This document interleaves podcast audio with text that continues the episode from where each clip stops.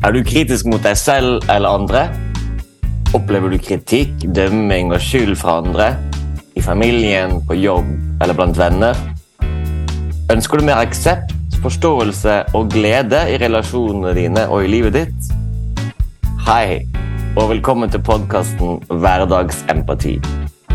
Jeg heter Gert Skosowski Danielsen, og jeg gleder meg til å dele tanker, refleksjoner og ideer med deg om hvordan du kan integrere mer empati, ro og glede i hverdagen din. Tusen takk for at du velger å høre på. Hei, og velkommen til denne sjette episoden i podkasten Hverdagsempati. For noen av dere er det nå lenge siden dere hørte fra meg i forrige episode.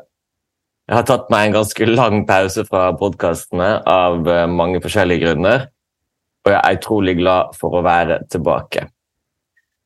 Og med en så lang pause så er det også veldig lett for meg å være selvkritisk og dømme meg sjøl nedenom og hjem. Eh, det å kritisere meg selv for å ikke ha gjort jobben, for å ikke ha vært eh, konsekvent, for kanskje ikke å ha vært pålitelig nok for deg som lytter. Det er mange, mange ting som jeg virkelig kan uh, klare å kritisere meg sjøl for og dømme meg sjøl for.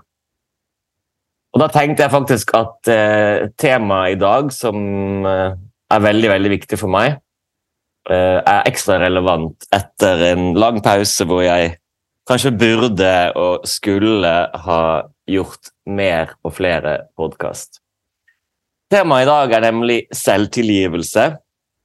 Eh, og selvtilgivelse er kanskje en av de prosessene vi har lært og opplevd gjennom ikke-voldskommunikasjon, IVK, eh, som har vært kanskje noe av det aller nyttigste for meg.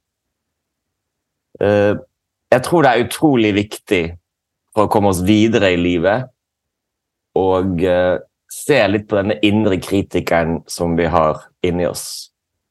Og prøve å ufarliggjøre denne indre kritikeren. Denne indre kritikeren, denne indre stemmen som dømmer oss og kritiserer oss sjøl, eh, kan komme fra mange steder. Uh, det er jo noe vi faktisk kultiverer selv. Og det er også ofte noe vi har begynt å, å tro på en slags sannhet vi har begynt å tro på, at vi eh, skal dømme, dømme oss sjøl, vi skal kritisere oss selv, eh, som vi har fått fra oppvekst og fra det miljøet vi til enhver tid beveger oss i.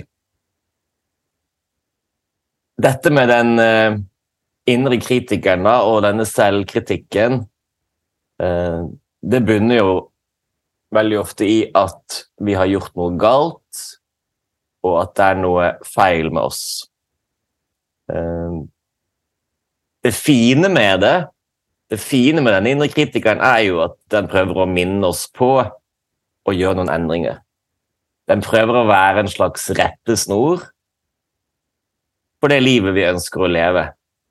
Der vi ønsker å vise andre respekt, der vi ønsker å vise hensyn, der vi ønsker å behandle andre mennesker på en måte som står i stil med verdiene våre, f.eks. Så selvkritikken går jo ofte på det. At ikke jeg har vært snill nok, at ikke jeg har vist nok respekt, at ikke jeg har tatt godt nok vare på vennene mine eller familien min, eller at jeg har gjort mye dumt. Så jeg går jo selvfølgelig inn i en rett og gal tankegang, um, og jeg fokuserer på det gale jeg har gjort, eller det jeg kanskje burde ha gjort og ikke har gjort. Denne selvtilgivelsesprosessen ehm, er veldig viktig for meg. Den som sitter igjen med søvnløse netter og eh, vanskelige tider, er jo meg sjøl. Hvis jeg har gjort noe mot en annen person, en venn eller en kollega eller et familiemedlem, som kanskje har stimulert irritasjon og frustrasjon og tristhet i dem, så er det jo likevel jeg som blir sittende der. De klarer kanskje å gå videre, eh, men det gjør kanskje ikke jeg. Og det at vi går inn og kritiserer oss sjøl, det har jo mye med kulturen vår å gjøre. Jeg tenker veldig på janteloven, um, som også er en normsetter og en ledetråd for liksom et bedre liv. Men janteloven er også noe som virkelig setter oss tilbake. Så jeg har egentlig en prosess og, holder kurs om det av og til. Um, om selvtilgivelse. Så dette blir en veldig sånn kjapp gjennomgang av uh, hva som er viktig for oss å tenke på når vi har det vanskelig, og når vi mener da at vi har gjort noe som er eh, ikke helt eh, i tråd med verdiene våre. Og da vil jeg at du skal tenke på noe du har gjort eller sagt, eller kanskje ikke gjort eller ikke sagt, som var litt sånn forventa, eh, og skrive ned det. Og, og nå eh, får sjakalen eller ulven, da, selv om jeg elsker begge to, eh, lov til å komme frem.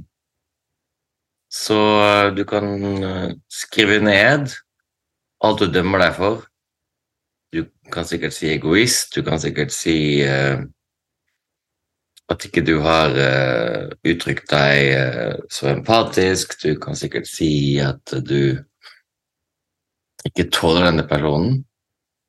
At du faktisk ikke faktisk greier å være med denne personen. Og det er helt ok. Det er helt, det er helt normalt. Det er helt ok. Så skriv det ned. Bare skriv ned det styggeste du har tenkt Uh, ja, du kan skrive om den andre personen, men skriv gjerne om deg sjøl. Den uh, forferdelige personen som du har skjønt at du er. Uh, for det er viktig. Det er viktig å gå inn i den skammen og, og den skylden som du, som du, kjenner på. Så kan du bare stoppe opptaket når du ønsker det. Neste steg er å gå inn enda mer i den dømmingen. Da vil jeg anbefale at du kanskje skriver det ned, eller tar det i hodet.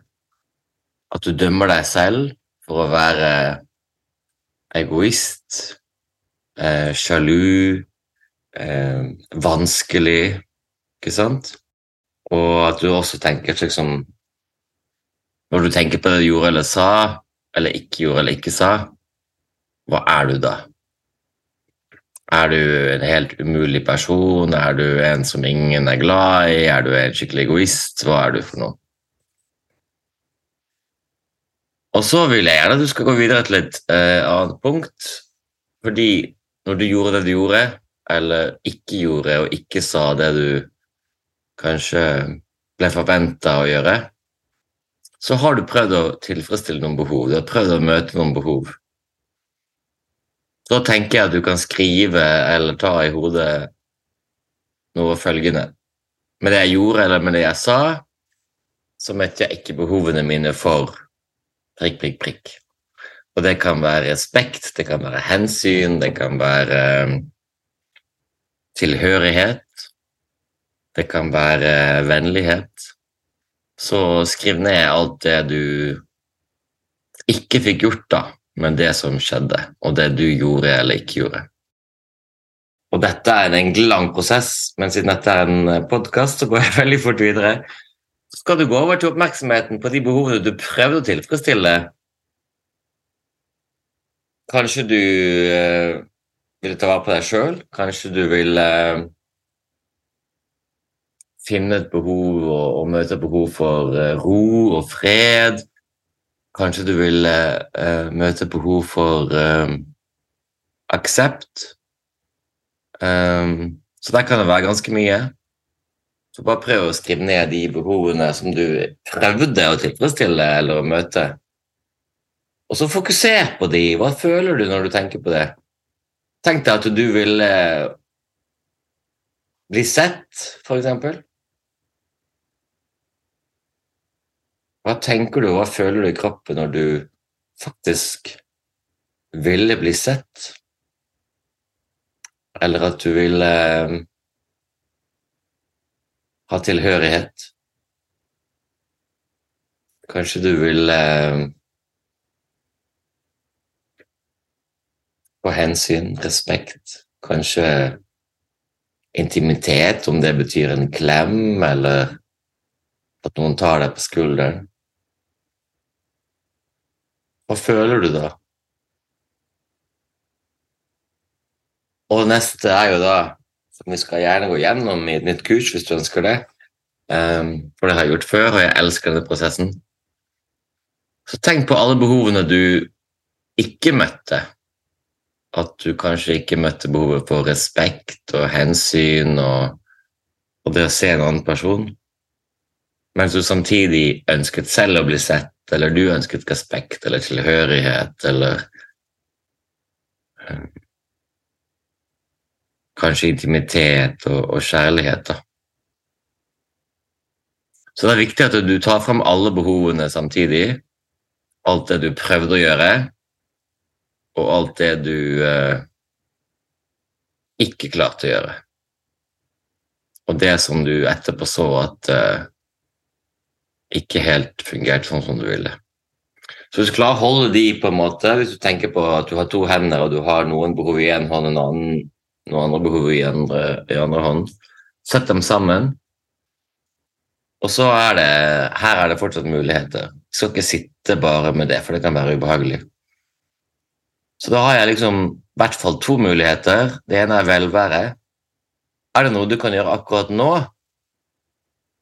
som kan bidra til at du kanskje kjenner deg litt bedre?